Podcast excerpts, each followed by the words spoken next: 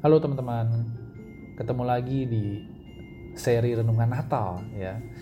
Setelah dua renungan kemarin, aku memberikan kita nuansa yang ya mungkin gak enak begitu ya bagi sebagian dari kita, tapi aku sangat berharap kita bisa belajar dari suara-suara seperti itu gitu ya, suara-suara di padang gurun, di tengah padang gurun, suara-suara jeritan-jeritan anak-anak Tuhan yang menderita gitu.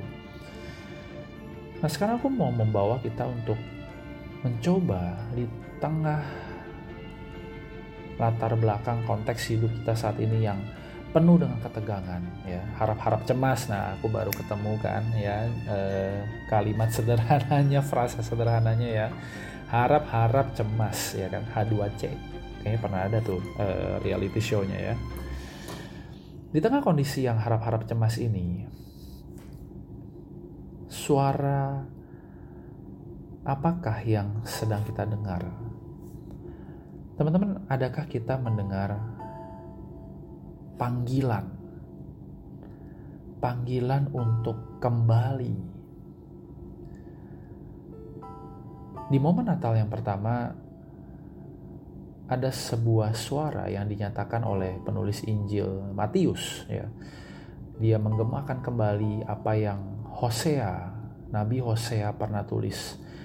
Dari Mesir kupanggil anakku. Teman-teman, suara Tuhan waktu itu kepada Nabi Hosea ada di dalam konteks bahwa Tuhan sangat rindu memanggil anak-anaknya, orang-orang Israel, untuk kembali kepada Dia. Bahkan sampai seakan-akan Tuhan itu mengingatkan bangsa Israel waktu itu kepada peristiwa yang jauh sekali dari kehidupan mereka, kehidupan nenek moyang mereka di Mesir.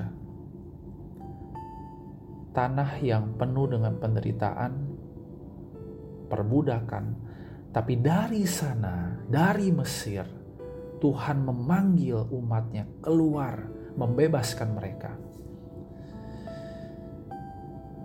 Dan melalui Nabi Hosea, Tuhan memperdengarkan kembali. Dulu aku pernah panggil engkau dari Mesir.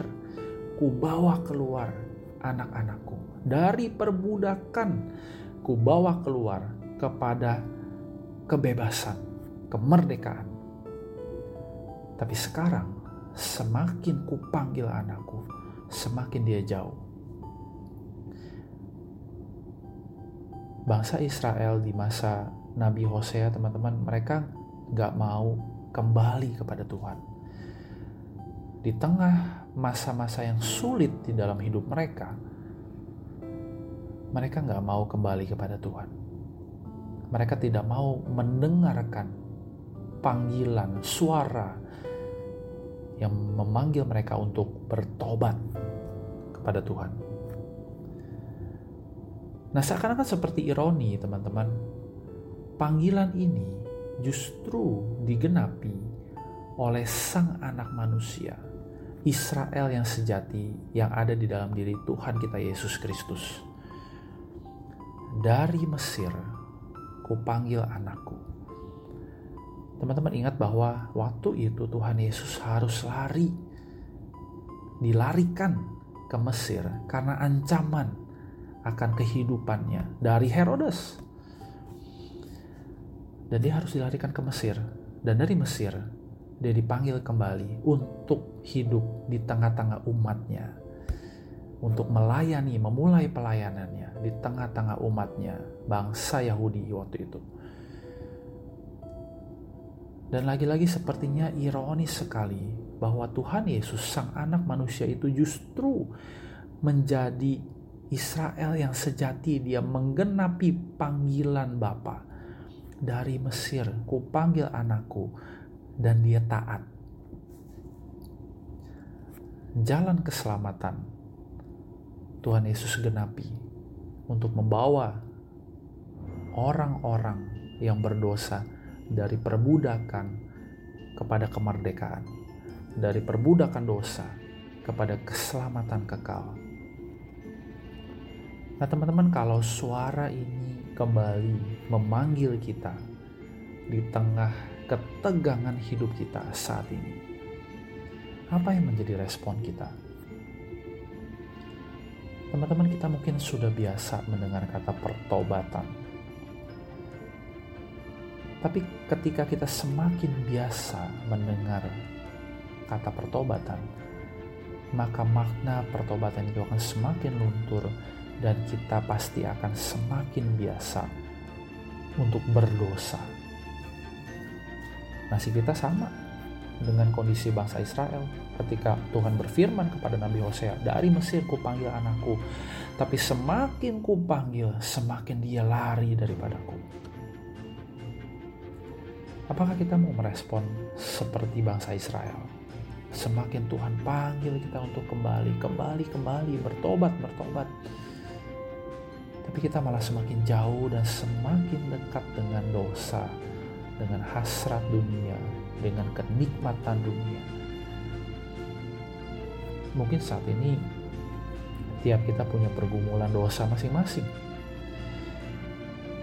Mungkin di tengah ketegangan hidup yang kita alami, kita lebih bergantung kepada kehebatan kita, kekayaan kita, kuasa kita, dan kita lari dari Tuhan. Atau saat ini kita mau mendengar suara yang mungkin agak sayup-sayup sekarang. Tapi dia memanggil kita. Kembali. Kembalilah anakku bertobatlah. Dan bukankah itu pesan Injil? Bertobatlah. Tuhan sudah dekat. Bertobatlah. Tuhan akan datang. Bertobatlah. Dia mau kita kembali. Kembali mengasihi dia. Kembali menginginkan dia kembali merindukan Dia, kembali memprioritaskan Dia, kembali mengandalkan Dia, kembali menjadikan Dia yang terutama dalam hidup kita, bahkan di tengah ketegangan hidup yang kita alami. Maukah kita kembali kepada Tuhan?